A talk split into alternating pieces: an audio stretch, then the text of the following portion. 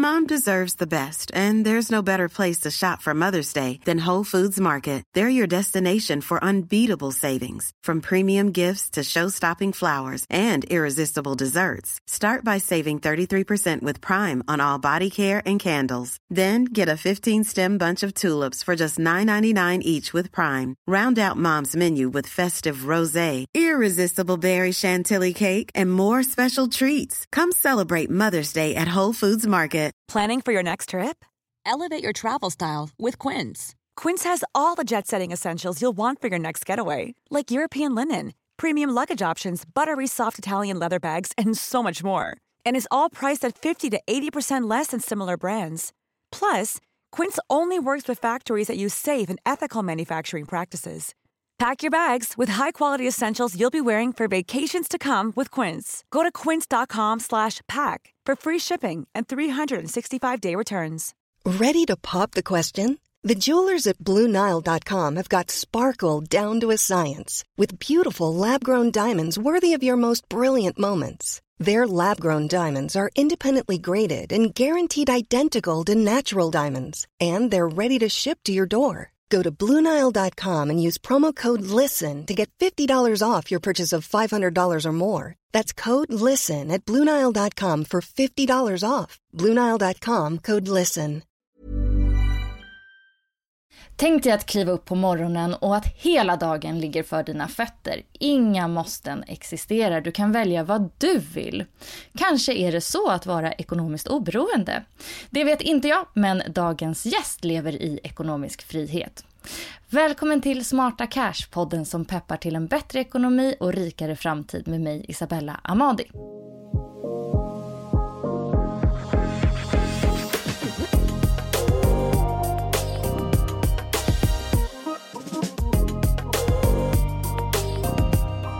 Innan vi kör igång idag så vill jag passa på att tacka alla lyssnare som har av sig med både fina ord och frågor. Och för den eh, som har något på hjärtat så finns jag på smartacashpodcast.gmail.com eller på Instagram smartacashpodcast. Men jag vill också understryka att jag inte ger någon finansiell rådgivning eller köprekommendationer på aktier eller fonder utan pratar bara pengar generellt.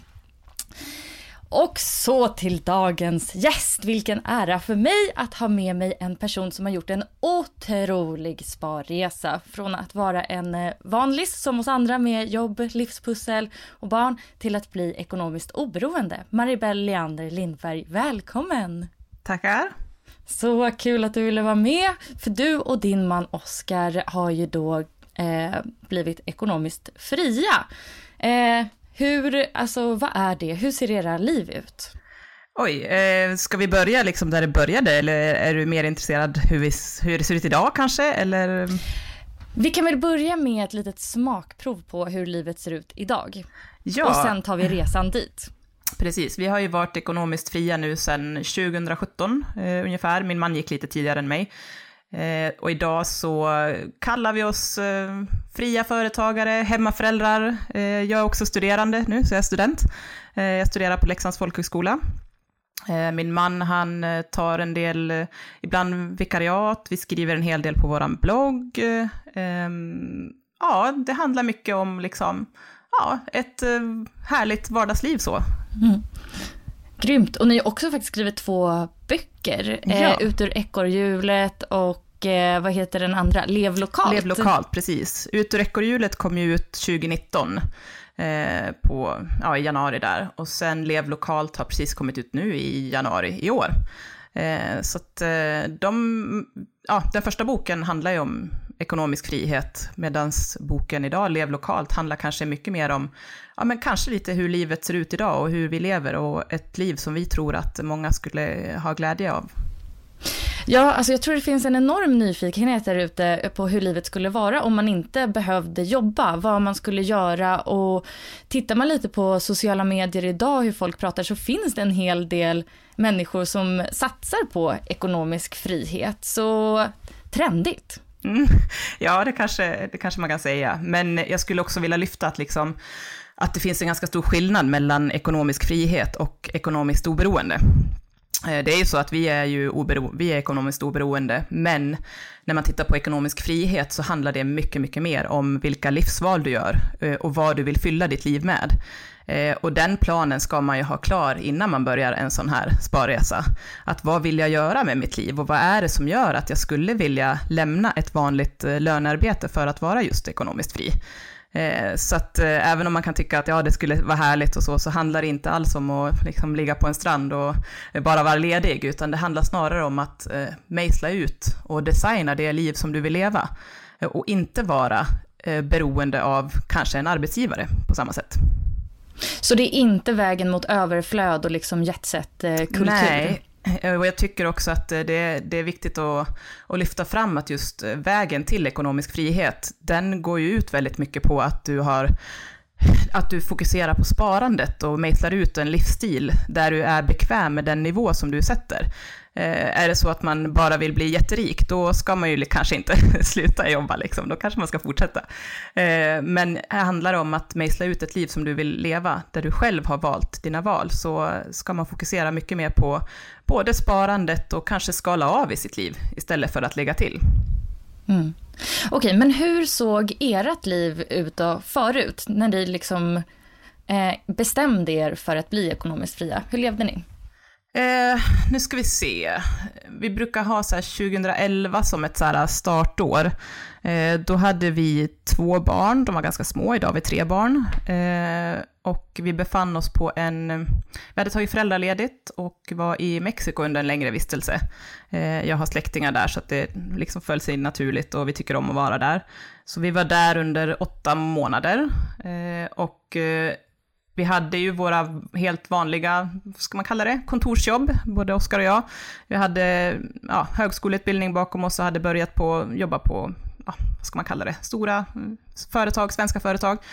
Eh, jobbade på mycket så här 8 till 5, eh, hämtade barnen på förskola, åkte hem, eh, såg fram emot helgen, lite så. Eh, och eh, när vi var där i Mexiko så eh, då var vi ju föräldralediga, men eh, vi fyllde också livet med, vi upptäckte att vi hade en ganska skön, ett skönt liv där.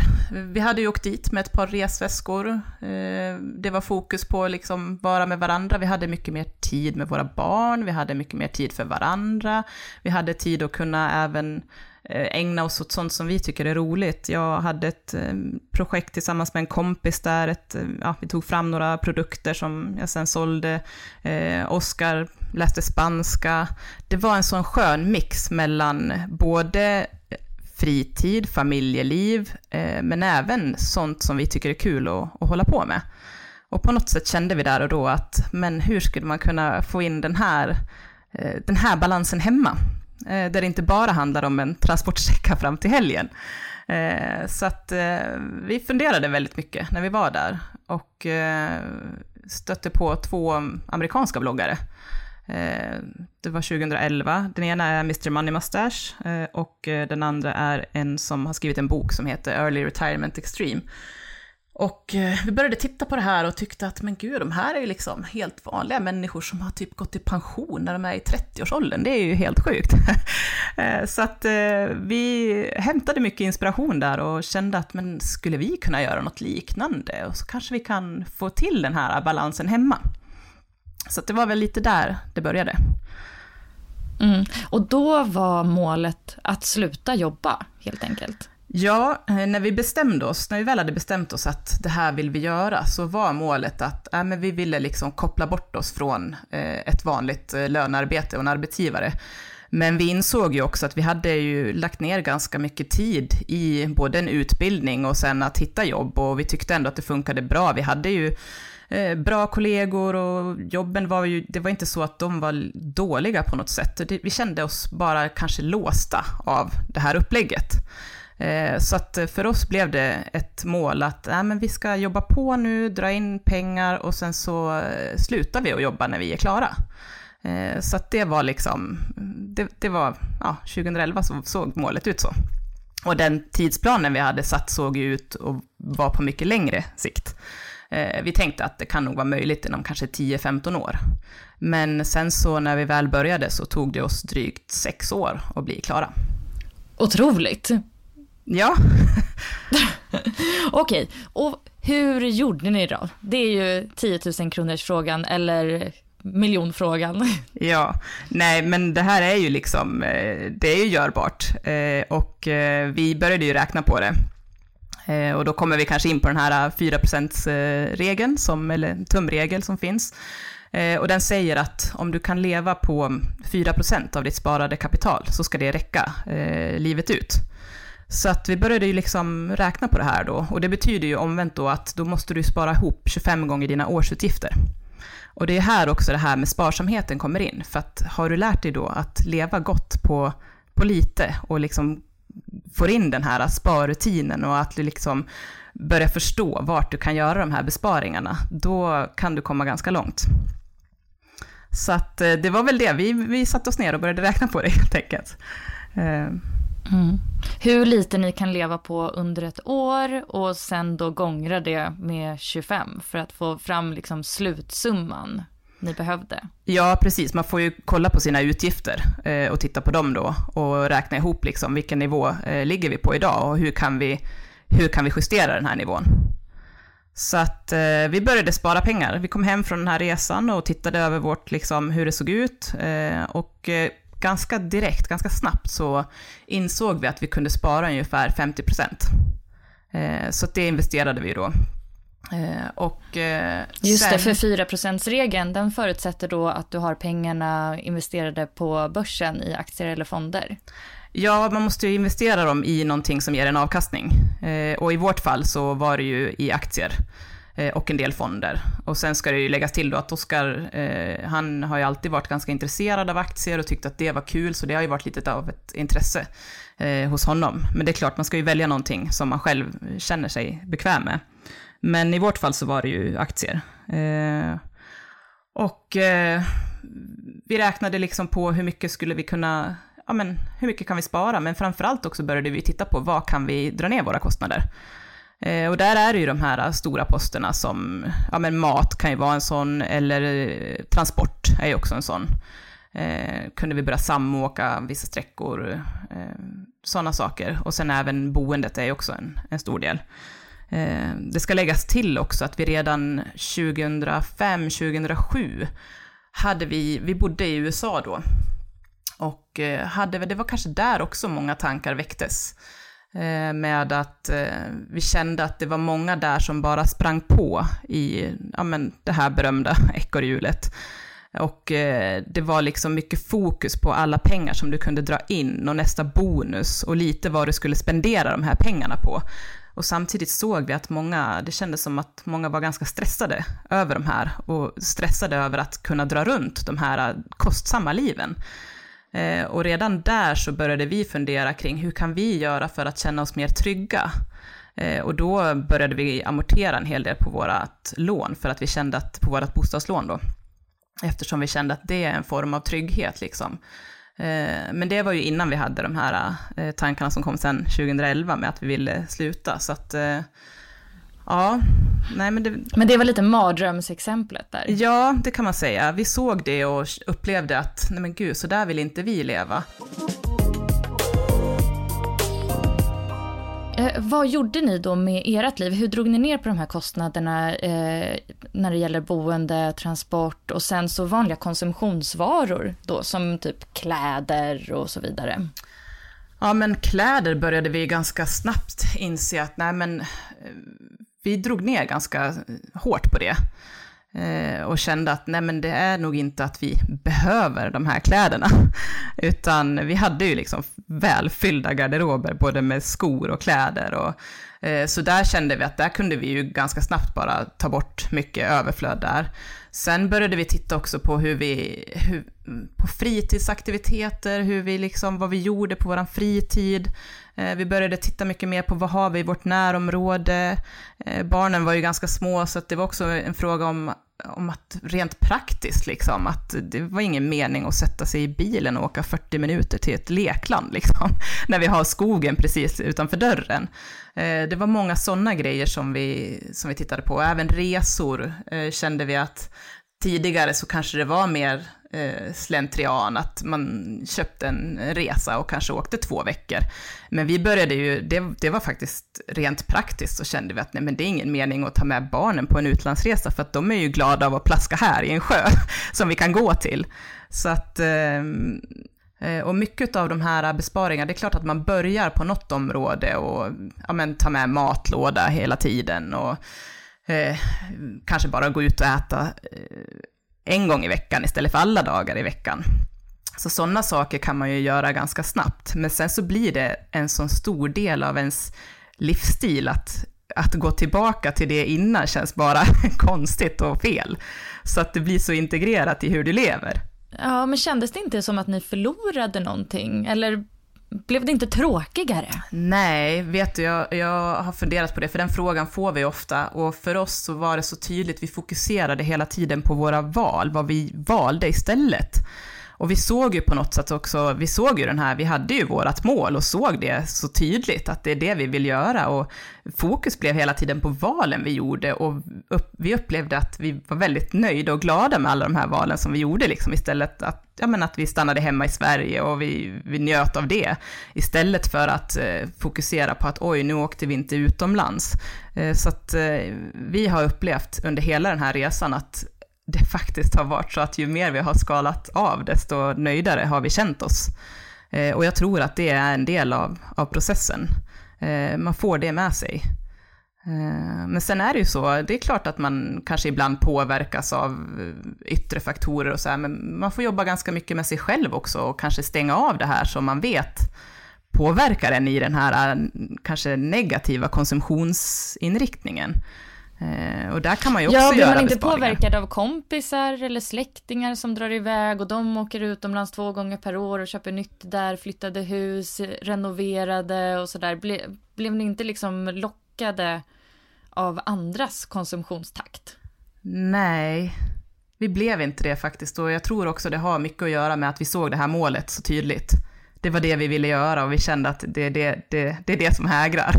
Eh, så att eh, vi var mer liksom, vi var glada för dem, men eh, återigen så det, det blir sånt fokus på, på de valen som, som vi gjorde eh, och som vi gör det, fortfarande idag. Gjorde ni något eh, misstag på vägen som eh, du kan dela med dig av? Nej, jag har funderat på den där frågan också. Eh, det är nog snarare så att vi har fått med oss en massa lärdomar eh, om oss själva och hur vi är som personer och Eh, och, och, vad vi tycker är viktigt i livet. Och jag, jag, känner inte att vi har gjort något, något misstag så. Det är snarare så att det blir ganska snabbt så får man en ekonomisk trygghet. Det är lite som att ha en ryggsäck full med pengar. Eh, och den tryggheten gör att du blir mycket starkare i dig själv och i alla beslut du tar. Så att eh, vi kände ganska snabbt att det gjorde oss mer modiga och det gjorde oss mer generösa. Det var många grejer som kommer på köpet av att ha den här eh, ryggsäcken med pengar, faktiskt. Eh, så att, eh, nej, jag har, jag har jättesvårt att komma på något misstag. Eh, snarare så att jag ibland kan känna så här, men gud, varför gjorde vi inte det här tidigare? eh, samtidigt så kan man ju liksom inte, vi skulle ju inte, vi skulle aldrig kommit till den punkten om, för man måste ju kanske gå igenom vissa delar av, av livet för att komma till en punkt där man, man känner att man vill göra en förändring. Så att, eh, men det, det, kan, det, det är kanske det enda då. Varför började vi inte när vi precis började jobba till exempel? Mm. Ja, men så den här sparresan, det var ändå liksom en successiv förändring också av eran livsstil. Så när ni väl nådde det här sparmålet och blev ekonomiskt oberoende eller fria, alltså hur förändrades livet då? Alltså, blev det ens något annorlunda eller hade det varit sån eh, långsam förändring? Ja, men det är en ganska så här, successiv och långsam förändring så. Eh, jag tycker ändå att det kom, förändringen kändes aldrig så stor, liksom när vi väl var framme vid målet, eller vad man ska säga. Och, och, när man har hållit på som vi gjorde då från 2011 fram till 2017, så blir det också som att det blir en, en del av, av ditt liv. Eh, och det blir så integrerat så att när det väl kom till punkten att ah, men nu slutar jag jobba så kände jag inte att det var, det, liksom, det enda som var skillnaden var att jag inte behövde gå till jobbet liksom. Men hur var den känslan? Alltså, Den sista dagen på jobbet och vetskapen att du behöver aldrig sätta din fot på ett jobb igen om du inte vill såklart. Um, nej men det var ju en jättehärlig känsla så. Det, det, det, ja, det, det är svårt att beskriva. Men, men, eh, och det är så också att på mitt sista jobb så visste jag, jag började där Eh, och var, jag blev, där var jag ett år, så att det kändes ändå som att jag visste ganska tydligt att ja, men det här är ett år och det är mitt sista år liksom. Så jag var ganska mentalt så här, förberedd. Det kanske hade känts mer annorlunda om det här sista jobbet jag hade haft var på ett ställe där jag hade varit kanske i, inte vet jag, en fem, sex år. Eh, och att nu slutar jag liksom. Men det var också så att jag bytte jobb några gånger och på det sista stället så var jag bara, ja det blev knappt ett år. Så att eh, det kanske är ännu starkare då om man är eh, den här känslan av att oj, nu är det någonting väldigt, väldigt annorlunda om man har varit kvar på, på samma ställe. Så hur lever ni idag då? Um, ja, jag skulle vilja säga att vårt liv är väldigt uh, vanligt. Uh, vi kanske har gjort en ovanlig grej, men vårt liv ser ut väldigt mycket som alla andras liv, skulle jag vilja säga. Uh, skillnaden är väl kanske att vi går och cyklar till det mesta. Eh, vi lever lokalt, vi bor i Leksand idag. Eh, vi försöker göra det mesta vi ägnar oss åt, det gör vi liksom på plats. Eh, jag går ju i skolan här i Leksand. Oskar skriver för den lokala nyhetssajten ibland. Ibland vikarierar han på en skola här i Leksand. Barnens aktiviteter finns här också. Eh, vi går liksom inte över ån efter vatten. Så. Vi har en bil istället för två som kanske de flesta har. Eh, ja, vi bor i en, ett hus. Eh, mycket kretsar ju kring, kring barnens liv också. Eh, de är idag sju, tio och tolv. Eh, och även om vi är väldigt eh, fria i vad vi ägnar oss åt eh, så, så är det ju ändå så att vi har ju deras skola att förhålla oss till. Så vi kan ju inte bara dra iväg eller göra precis som vi vill, utan det blir ju en väldigt liksom, struktur och vardag kring deras eh, skolgång. Um, vi brukar prata om ibland att ja, men vi, vi gillar att ha en vardag som vi inte behöver ta semester ifrån. Vi tycker om vår vardag. Mm. Men reser ni då? Eh, ja, det gör vi ibland. Eh, men vi har vänt på det där också och eh, vi Självklart så är det så att man kanske vill upptäcka nya saker. Och när vi reser så, vi reser ganska sällan. Eh, men när vi reser så är vi borta länge. Eh, och det är ju både ur ett ekonomiskt perspektiv, men framförallt har det nu blivit väldigt tydligt för oss också att det är ur ett eh, miljöperspektiv.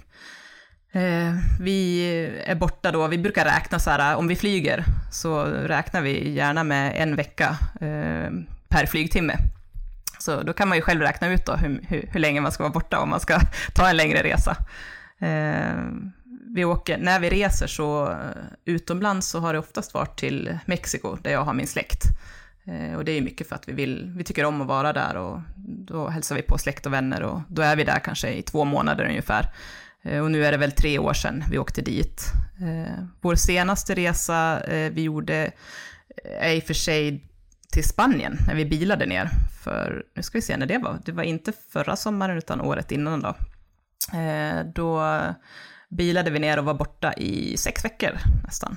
Och då var vi på plats eh, i eh, Vigo i Galicien Eh, och höll oss där i, ja, under nästan hela tiden och levde lokalt där. Det är mycket det som vår nya bok handlar om också, att eh, ja, men man ska eh, hitta både sin plats där man vill leva och bo, men om man reser så, tycker, ja, så känner vi att ja, men då vill vi liksom leva lokalt där i så stor utsträckning som möjligt eftersom vi känner att vi får ut mycket, mycket mer av en sån upplevelse.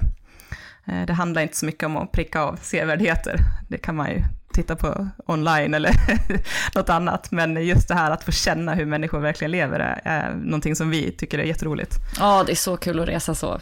Eh, roligare än att ligga på en charter som ser likadan ut var det helst man ja, är i världen. Blir, liksom. Ja, det är ju ingen skillnad egentligen. Du har en pool och du har en stor sol och en strand. Eh, så att, eh, ja. ja men hur, gör, hur gör ni med alla de där grejerna som kostar i livet då? Typ, eh, jag vet inte, nya galonisar till barnen, göra om hemma. Eh, jag vet inte. Mm, allt. Ja, eh, vi handlar ju, det måste man ju göra, vi har ju barn liksom. Eh, men eh, vi letar ju begagnat. Eh, och det är ju framförallt ur en, det är mycket ur en liksom, miljösynpunkt. Visst skulle vi kunna köpa nytt, eh, men vi letar helst begagnat först. Och det är ju också så att har man lite mer tid och har god framförhållning så, så, så har man ju också den möjligheten. Så att eh, nej, och heminredning, där är det också så att eh, jag tycker att det är ganska kul att ändra och det är väl ett sätt att få vara kreativ så. Men eh, numera så fokuserar jag mycket mer på att rensa ut och är det så att jag byter ut något så ser jag till att jag säljer av någonting innan eh, jag funderar på att köpa in någonting. För det, men det handlar mest om att vi vill inte ha för mycket saker. Eh, vi tycker att det, det begränsar oss i vår frihet. Eh, så att vi är väldigt noga med att är det någonting som kommer in så måste det kanske ut två grejer istället. Men då plockar ni alltså ut en, eh, alltså en inkomst från ert sparade, investerade kapital varje månad, eller? Ja, det stämmer bra. Eh, vi sparade ju ihop lite drygt 6 miljoner, eh, blev det ju. Eh, och, eh, men då är ju det pension, boende och sen aktier som det ligger i. Eh, och idag så, vi gör av med ungefär 20 000 i månaden. Så att eh, man kan säga att eh, ja, det plockar ju vi ut varje månad. Det är som våran lön, eller vad man ska säga. Eh, för att dra runt vårt liv då. Och ibland så brukar vi prata om, ja, för kanske många som har mm, liksom en, vad ska man säga, medelinkomster och så kanske ofta plockar ut, eller kanske gör av med eh, dubbelt så mycket som vi. Så att vi har, brukar prata om bättre liv till halva priset. Jag tänkte fråga lite om eh, investeringarna också. Eh, för under spartiden så nämnde du att ni investerade i aktier. Förändrades eh, era placeringar på något sätt när ni sen då blev ekonomiskt oberoende? Nej, jag skulle vilja säga, nu är det ju Oskar som tycker att den här delen är roligast och han som håller på med den mest, men det ser ut ungefär lika mycket, eller likadant ut som när vi slutade. Eh, så att vi har inte gjort några stora förändringar där. Och det var nog mycket där också att eh, jag tror Oskar känner nu liksom att han har inte alls det här samma intresse för, att, för aktierna och för att sälja av och köpa nytt, utan han vill att det ska liksom tuffa på eh, och inte behöva göra så mycket analyser kring dem. Eh, det kanske också är en form av minimalism och skala av, att eh, inte behöva ha den, den uppgiften. Så att eh, nu ser det ut ungefär likadant. Vi har en flik under vår blogg som man kan gå in och titta på, eh, som heter Vår ekonomi, där det finns lite mer info om just investeringarna. Mm. Men hur klarar ni då typ börsnedgångar? Eh, alltså blir ni inte liksom lite skraja när ni ser röda siffror? Ehm, ja, men då ska man ju komma ihåg också att den här eh, 4% eh, tumregeln som vi pratade om, den bygger ju på liksom över lång tid. Och den är ju beräknad på 4% just för att den ska klara av de här eh, upp och nedgångarna. Så att eh, även om det går ner så känner inte vi liksom att nej men det, det spelar inte så stor roll. Eh, och så går det upp så är det bra också, men man ska se det över en väldigt, väldigt lång tid. Eh, och sen är det ju så också att visst kan man känna så här, eller vi känner inte så, men jag tror att kanske en del som har ifrågasatt det här då kanske känner att, ja men gud, blir ni inte nervösa liksom, tänk om allt bara skulle krascha och haverera, så här, ja men hela pengar bara skulle försvinna. Eh, återigen så kanske jag kommer tillbaka till den här eh, ryggsäcken då. Eh, det är både eh, liksom en ryggsäck också med erfarenhet. Eh, och vi har ju, liksom, vi har ju utbildning, vi har haft jobb, vi har arbetslivserfarenhet och jobb finns. Så att vi känner ju liksom att skulle det bli något totalt haveri så ja, det som då skulle kunna vara det värsta scenariot är ju många andras vardag. Vi skulle kanske behöva gå tillbaka till ett lönearbete. Så att, mm. Och det har ju funkat det med. Så vi känner oss liksom inte så, så oroliga um, över det. Nej, det är inte så hemskt att jobba faktiskt. Nej, det funkar ju det med. Ja, och nu i världen, det finns ju något som heter FIRE-rörelsen. Alltså, här, kan inte du berätta lite om, om vad den innebär? För det är ju lite så som ni lever kan man väl säga? Ja, precis. Det är ju, det betyder ju Financially Independent Retired Early. Eh, och eh, jag tror att den kommer från USA. Eh, som sagt, vi hittade ju de här bloggarna som bloggar fortfarande, och, eller i alla fall en av dem. Men ehm, nu är ju det här en, en rörelse som finns i hela världen. Och faktiskt har den ju blivit mycket mer synlig i Sverige också.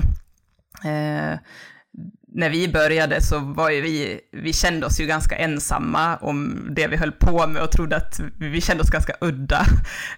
Vi valde ju också att vara helt anonyma. Vi berättade ju inte för våra liksom, vår familj och vänner och så vad vi höll på med, utan vi levde ju på precis, det såg på utsidan ut precis som vanligt. Just för att var, inte ens de visste? Nej, det var ingen som visste. Alla fick reda på det typ ungefär då när, när jag slutade 2017. Så att, eh, ja, så att ingen visste. Eh, och den här rörelsen har väl spridit sig och jag tror att det på något sätt, ja men det finns en längtan. Eh, jag tror många kanske har upptäckt att det blir det här ekorrhjulet och att man bara springer på för att dra runt kostsamma liv. Och någonstans där så kanske en del stannar upp och känner så här, men vad vill jag med mitt liv egentligen? Och det som är med just FIRE, det är ju det här som jag var inne på lite tidigare, att man måste verkligen definiera vad är liksom målet med mitt liv? Vad vill jag göra med min tid? Eh, hur vill jag att det här livet ska se ut? Um, och det behöver inte betyda att man slutar jobba, en del fortsätter ju med det, men, men att kunna känna att man, man äger sin tid. Vad tror du då, kan vem som helst bli ekonomiskt fri? Ja, alltså vi har ju gjort det här utifrån våra förutsättningar. Vi eh, var ju liksom två, eh, två personer i ett hushåll som drog in, vad ska man säga, medellöner så. Eh, men det är klart att det ser, det ser ju annorlunda ut. Varje människa har ju sina förutsättningar och kommer med olika eh, både erfarenheter och olika typer av jobb och löner och så. Så att eh, det handlar ju väldigt mycket om att, att se över hur, hur ens liv ser ut, vad man har för utgifter. Eh, och sen tror jag man får börja någonstans. Eh, och det är klart att det kanske är mycket svårare om man är ensamstående, och, men jag tror att bara att se över hur ens ekonomi ser ut Eh, och få kontroll och koll på den tror jag ger så otroligt mycket trygghet och det ger en form av frihet. Men eh, då kanske vi ska avsluta med dina bästa tips då för, till den person som också vill bli ekonomiskt fri. Ja, eh, jag skulle ju vilja säga att det absolut bästa tipset, och det är ju som titeln på vår nya bok, det är ju att leva lokalt. Eh, du kan göra så otroligt mycket besparingar genom att leva i ditt eh, närområde. Och då pratar jag om att du lever i ditt närområde, kanske i en storstad, kanske det blir ditt kvarter. Du kan gå till ditt jobb, eh, dina barns skola finns inom gångavstånd, eh, dina fritidsaktiviteter, barnens fritidsaktiviteter, allt finns inom gång eller cykelavstånd. Där gör man så himla mycket, man gör otroligt mycket besparingar och det är både i eh, pengar men också så mycket i tid. Mm. Wow, vilket härligt liv. Mm. Alltså det, låter, det är jätteinspirerande att höra liksom en, annan, en annan väg framåt. Så jättestort tack för att du kom hit och berättade om det, Maribel. Men tack för att jag fick vara med, jättekul. Så fint. Eh, och eh, om man vill, eh, du pratade om att ni hade en blogg. Hur, hur mer, var hittar man er online? Ja, precis. bloggen finns på enkelboning.com. Och sen finns jag på Instagram som enkelboning. Och eh, Oskar finns på Twitter på, som farbror Fri, om man vill följa honom där. Så att, eh, ja, och vi tycker det är jättekul när läsare hör av sig och vi försöker svara på de frågorna som, ja, när vi kan och hinner med och tycker att det är kul att få den responsen. Så att, ja. Härligt! Och ett jättetack till dig som har lyssnat också. Hej då!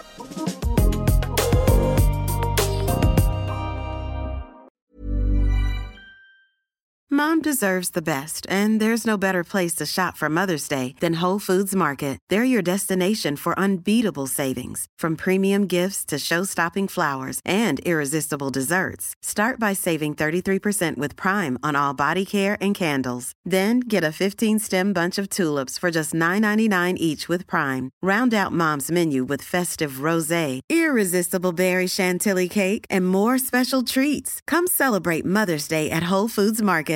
Hey, it's Paige DeSorbo from Giggly Squad. High quality fashion without the price tag. Say hello to Quince.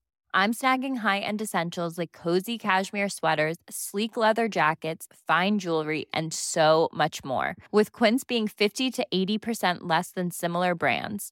And they partner with factories that prioritize safe, ethical, and responsible manufacturing. I love that. Luxury quality within reach. Go to quince.com slash style to get free shipping and 365 day returns on your next order. Quince.com slash style. Imagine the softest sheets you've ever felt. Now imagine them getting even softer over time. That's what you'll feel with Bowl and Branch's organic cotton sheets. In a recent customer survey, 96% replied that Bowl and Branch sheets get softer with every wash. Start getting your best night's sleep in these sheets that get softer and softer for years to come. Try their sheets with a 30-night guarantee. Plus, get 15% off your first order at bowlandbranch.com. Code BUTTERY. Exclusions apply. See site for details.